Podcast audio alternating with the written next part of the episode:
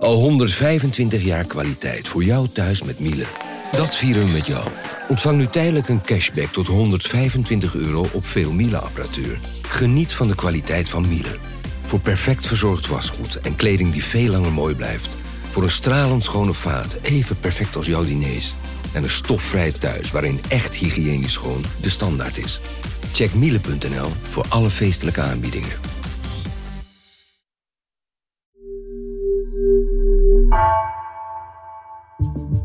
Vanaf de redactie van NRC het verhaal van vandaag. Mijn naam is Floor Boon.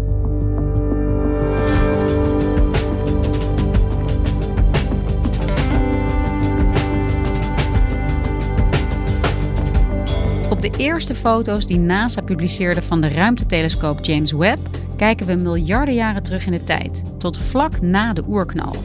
Een mijlpaal voor de wetenschap, vertelt wetenschapsredacteur Laura Bergshoef.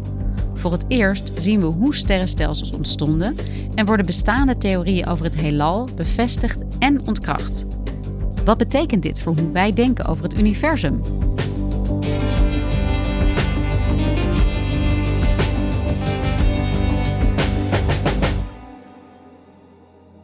Laura, jij schrijft over astronomie voor de wetenschapsredactie. En we hebben onlangs die ja, echt fascinerende foto's gezien van uh, de James Webb-telescoop. Die heeft ze gemaakt in de ruimte. Ja. Ehm, voor degenen die de beelden niet hebben gezien, kun jij eens beschrijven wat je ziet en hoe het eruit ziet? Ja, er kwamen vier foto's en één wetenschappelijke grafiek. En de allereerste foto die liet president Biden aan de wereld zien vanuit het Witte Huis. And now let's take a look at the very first image from this miraculous telescope. En daarop zag je eigenlijk gewoon heel veel sterrenstelsels. En van sommige van die sterrenstelsels, dit is wel heel bijzonder, heeft het licht er meer dan 13 miljard jaar over gedaan om ons te bereiken. Dus dat betekent dat we op die foto 13 miljard jaar terug in de tijd kijken. En ja, die foto's die uh, NASA erna liet zien, die waren ook heel spectaculair. Want je zag allemaal details die we nog niet eerder hadden gezien.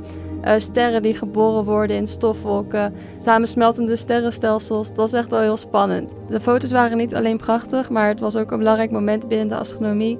Uh, astronomen over heel de wereld hebben hier 30 jaar aan gewerkt. En het telescoop is met de kerst gelanceerd. De unité, top! And we have engine start. And liftoff. Décollage. Decollage, liftoff from a tropical rainforest to the edge of time itself. James Webb begins a voyage back to the birth of the universe. Dat was super spannend, want er waren 400 punten waarop het mis kon gaan. De telescoop moest worden uitgevouwen in de ruimte. Het moest met heel veel precisie worden afgesteld en scherp gesteld. Ja, dan zijn nu die eerste foto's er en dat is toch wel heel bijzonder. Ja, 30 jaar is echt heel erg lang, ook binnen een mensenleven. Waarom moest deze telescoop er per se komen? Wat was het doel? Ja, eigenlijk om heel ver terug te gaan kijken in de tijd, net na de oerknal, om te begrijpen waarom alles er zo uitziet zoals het eruit ziet. En ja, goed, het is een beetje vroeg nog, want we krijgen pas twee weken informatie eh, van de telescoop. Maar kun je al iets zeggen over of dat doel is bereikt, of dat mensen er zeker van zijn dat ze dat nu ook gaan bereiken? Ja, sowieso. Qua kwaliteit zijn de foto's echt boven alle verwachtingen. En je ziet dus al heel ver terug in de tijd op die foto die Biden liet zien. Dus ik heb er echt de volste vertrouwen in dat er heel veel nieuwe ontdekkingen gaan komen. Want wat ook leuk is om te weten, de voorganger van James Webb, dat is de Hubble-telescoop. Die werd in 1990 gelanceerd. En ja, Hubble heeft hele mooie plaatjes geschoten. Van ik denk dat veel mensen ze alvast al een keer hebben gezien. Van die mooie sterrennevels en zo. Maar wetenschappelijk heeft het ons ook heel ver gebracht. Bijvoorbeeld, dankzij Hubble weten we hoe oud het heelal is. En met de James Webb-telescoop hopen we dus ook weer heel veel nieuwe ontdekkingen te kunnen gaan doen. We hebben heel veel ideeën en theorieën over hoe het heelal in elkaar zit, hoe alles om ons heen werkt. Maar veel van die theorieën hebben we eigenlijk nog nooit echt gezien in het universum. En met James Webb hopen we dat te gaan zien. Dus het kan zo zijn dat we bepaalde theorieën die we hebben gaan bevestigen, maar misschien ook wel gaan ontkrachten als nu blijkt dat het heelal helemaal niet zo werkt als hoe wij denken dat het zou moeten op basis van onze ideeën. En dan zouden natuurkundigen weer terug naar de tekentafel moeten om met nieuwe berekeningen te komen. Dat is wel spannend. Ja, het is niet alleen spannend, mijn hoofd tolt er bijna van. En ik wil ook echt alles hiervan weten. Maar Even naar die ja, praktische kant ervan. Hoe moet ik het voor me zien? Waar in het heelal bevindt de James Webb-telescoop zich? De telescoop die cirkelt om de zon, net als hoe de aarde om de zon cirkelt. Maar hij doet dat anderhalf miljoen kilometer verder dan de aarde. Want daar is het koud genoeg en James Webb moet ook heel koud zijn. Oké, en waarom is dat belangrijk? Ja, James Webb die moet dus heel ver terug gaan kijken in de tijd. En dat doet hij met behulp van infrarood licht. Ja, en waarom een infrarood licht? Misschien is het goed als ik dan eerst uitleg kort wat licht is. Licht zijn eigenlijk een soort uh, golven. En wij zien licht in verschillende kleuren. Wij zien rood, wij zien groen en blauw en alles daartussen. En hoe komt het nou dat licht verschillende kleuren heeft? Dat komt doordat licht verschillende golflengtes heeft. Dus rood heeft langere golflengte en blauw heeft kortere golflengte. En het licht van hele verre sterren en sterrenstelsels was oorspronkelijk UV-licht en dat is nog kortgolviger dan blauw. Alleen wat gebeurt er nu? Het heelal dat tijd uit. En daardoor rekt het licht ook uit. Dus de golflengtes worden langer als ze eenmaal bij ons zijn aangekomen. Dus het UV-licht van die hele verre sterren en sterrenstelsels is als het eenmaal in de telescoop valt bij ons, is helemaal uitgerekt tot infrarood licht. En wat is nu het lastige? Infrarood licht, dat is eigenlijk het soort straling wat wij voelen als warmte. Jij en ik, wij stralen allebei infrarood licht uit. De aarde doet dat ook. En het licht van zover is super zwak. Dus je kan je voorstellen dat ja, als wij zeg maar in de weg zitten, wij verstoren dat signaal heel erg. Dus James Webb moet ver weg van alle warmtebronnen en daarom dus anderhalf miljoen kilometer van de aarde.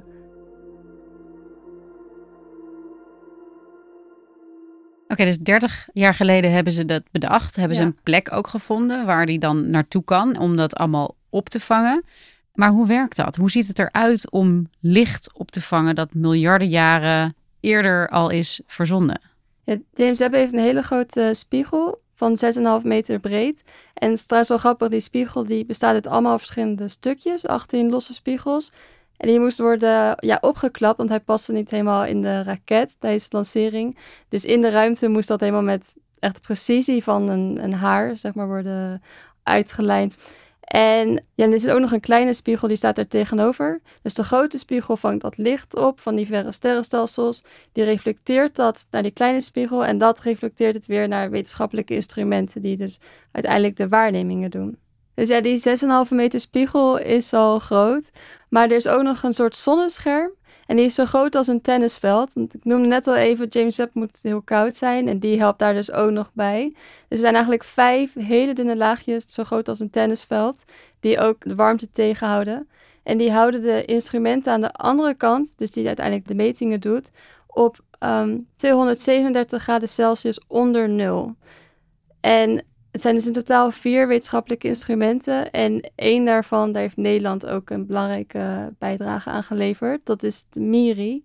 En onder andere Ewine van Dishoek van Leiden Universiteit heeft daar aan meegewerkt. Al vanaf 1997 eh, uh, toen ben ik eigenlijk uh, gevraagd om in de gezamenlijke Amerikaanse en Europese adviescommissies te zitten. Om, ja, op dat moment moesten we eigenlijk nog de telescoop definiëren en ook de instrumenten definiëren. De MIRI die kijkt naar een bepaald deel van het licht. Dus James Webb kijkt in het infrarode licht. En MIRI staat voor mid-infrared. Die kijkt naar ja, het midden-infrarode deel. Zij, het was en zo'n 25 jaar geleden nog helemaal niet vanzelfsprekend dat het instrument uh, op de telescoop zou komen. En uh, ja, toen is het, uh, rond 2001 is het goedgekeurd. En ja, toen moest het gebouwd worden. Wij hebben ons deel van het instrument, hè, dus echt een deel van het instrument is in Nederland gebouwd. Dus er zit ook een Nederlands vlaggetje op. Um, dat hebben we al in 2008 afgeleverd. Dus ja, tussen 2008 en, en nu heb ik wel eens uh, slapeloze nachten gehad van wat als het allemaal misgaat.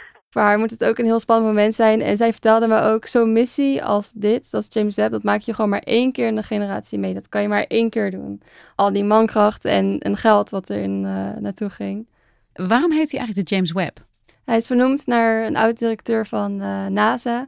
En hij was directeur tijdens de Apollo-missie. Dus dat is die missie waarbij we naar de maan gingen. Ja, is dit qua grootheid ook daarmee te vergelijken met zo'n eerste maanmissie? Of is het eigenlijk nog veel groter in termen van wat we hiervan leren over het heelal? Ik denk, het zijn beide technisch gezien echt hele indrukwekkende prestaties om mensen naar de maan te brengen. Of zo'n telescoop die uh, echt haarfijn moet worden uitgelijnd in het universum.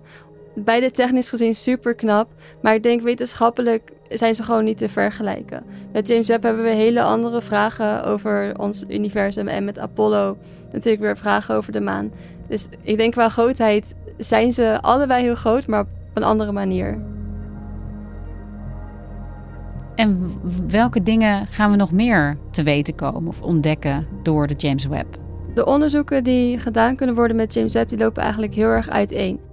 Er zijn over heel de wereld astronomen en teams van astronomen en zij hebben een plan en een onderwerp en ze kunnen dan tijd aanvragen op de telescoop. Dus zij krijgen dan die waarnemingen, die data. En ja, een van de onderzoeken gaat dus over hoe die allereerste sterren en sterrenstelsels ontstonden. En in Nederland werken bijvoorbeeld ook onderzoekers aan planetenstelsels. Dus dat is wij als aarde zeg maar draaien met zeven andere planeten om de zon. Dat noem je een planetenstelsel. En planeten die ontstaan uit stof rondom de zon. De jonge zon, een jonge ster. Alleen planeten die staan allemaal op verschillende afstand tot de zon, tot de moederster. En we snappen nog niet zo goed waarom. Zijn die planeten ontstaan dicht bij de zon en later naar achter verplaatst? Of zijn ze op hun plek ontstaan? En dat hopen we als genomen dus te gaan zien met James Webb Telescope. Ik zal voornamelijk kijken naar jonge sterren die gevormd wordt. Hoe wordt een nieuwe ster geboren? Hoe wisselwerkt die met zijn omgeving? Ik kijk dan in het bijzonder naar de chemische samenstelling van het materiaal uh, waaruit die uh, planeten gebouwd gaan worden. Uh, ja, dus ik ben, uh, wij hopen in de komende paar weken de eerste data te krijgen. Dus het is, uh, het is super spannend. Ik sprak bijvoorbeeld ook een andere astronoom bij Esron. En hij vertelde mij dat er een planeet is, een exoplaneet, waar het misschien wel glas regent. En dat denken we op basis van modellen en van berekeningen. En James Webb kan het ook echt gaan zien. Die is zo gevoelig dat hij het verschil kan zien tussen bepaalde soorten regen. En dan ja, waarom willen we het weten wat ergens regent? Dat is natuurlijk ook om onze eigen plek binnen het heelal te begrijpen. Zijn er nog andere plekken die leefbaar zijn voor mensen? En wat ik me dan zo zit af te vragen als leek, hè, want ik ben helemaal niet op deze manier geschoold, zo uh, in de natuurkunde ook. Kan je dan met een telescoop als deze ook door de tijd heen reizen? Dus we kijken nu 13 miljard jaar terug, maar kunnen we ook meteen 10 of 5 miljard jaar terugkijken? Nou, dat is een hele goede vraag. Je kan dus inderdaad geen filmpje maken van één object en dat voor, vooruit en achteruit spoelen. Maar het is wel interessant wat je vraagt, want dat willen we inderdaad uiteindelijk wel weten hoe dingen ontwikkelen. En wat je dus wel kan doen, kijk, het heelal is heel groot. Je hebt sterrenstelsels bijvoorbeeld die op de Melkweg, waar wij in wonen, lijken. Dus wat je kan doen is een soortgelijk sterrenstelsel heel ver weg vinden. En dan zie je hem dus eerder in zijn ontwikkeling. Dus je zou wel al die verschillende fases kunnen gaan bekijken door verschillende sterrenstelsels die op verschillende afstanden staan te gaan onderzoeken. En als we dan nog ook even blijven bij uh, wat die James Webb wel al kan, in ieder geval nu. Bijvoorbeeld terugkijken tot vlak na de oerknal. Wat is daar nu al van te zien? Wat, wat hebben we daar dan tot nu toe in die twee weken al van geleerd? Je kan eigenlijk niet helemaal tot de oerknal kijken, want je moet je het zo voor je stellen aan helemaal aan het begin van de tijd, net na de oerknal, dat alle materie echt super dicht op elkaar.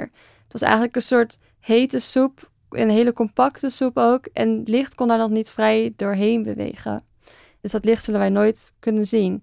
En het duurde een paar honderdduizend jaar voordat het licht vrij kon gaan bewegen. En toen ontstonden de eerste sterren en de eerste sterrenstelsels.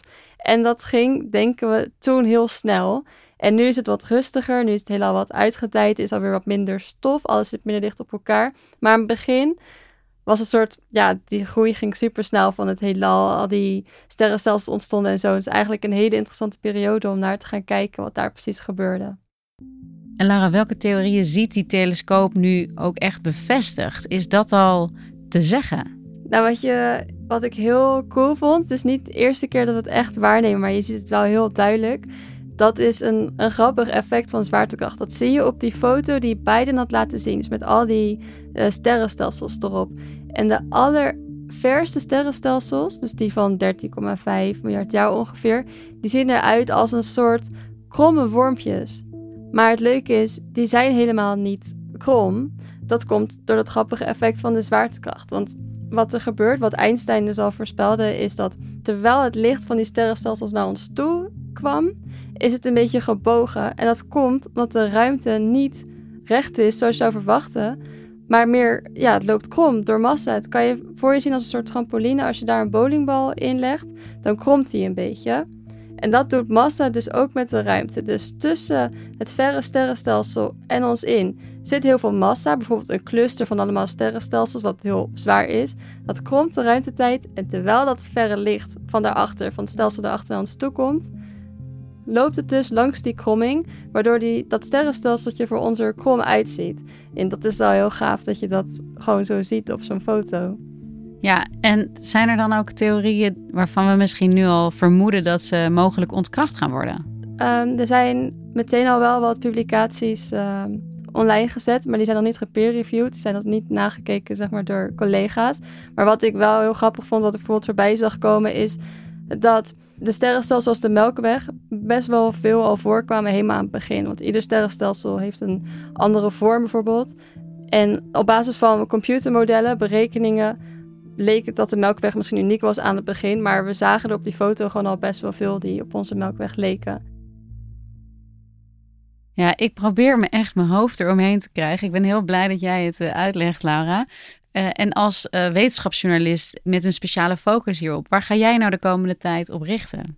Ja, bijvoorbeeld op de planetenstelsels, hoe die ontstaan zijn. En ik ben vooral gewoon geïnteresseerd ook in onze plek in het heelal. Zijn er andere plekken die leefbaar zijn? Maar bijvoorbeeld ook zwarte gaten. James Webb kan ook gaan kijken naar zwarte gaten.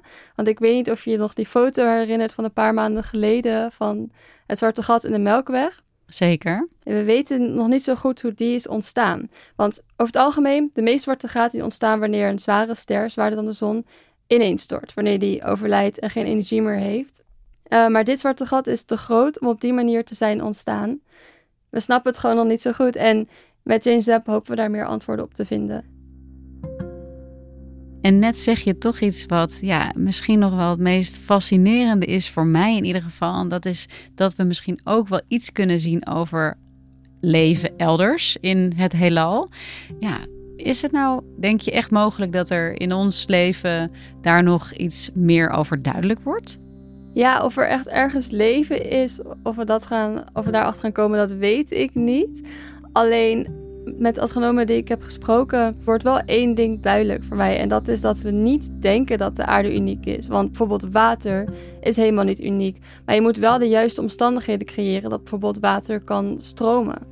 Bijvoorbeeld dat er een oceaan kan ontstaan en zo. Want als het te heet is en planeten dicht bij de zon staat, is er alleen maar waterdamp. Alleen we hebben gewoon nog niet de middelen om echt zo goed te zoeken naar die tekenen van leven. Of om naar planeten te kijken die op aardes lijken. En met ja, James Webb kom je toch alweer een stapje dichterbij. Nou, daar kijk ik in ieder geval heel erg naar uit. Dankjewel, Laura. Graag gedaan.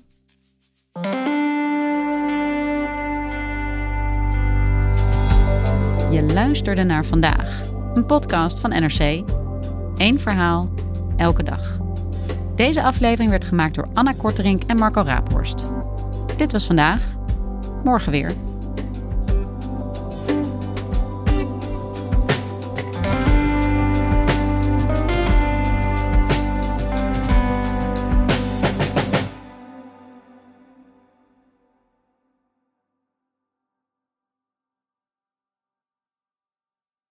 Technologie lijkt tegenwoordig het antwoord op iedere uitdaging. Bij PwC zien we dit anders.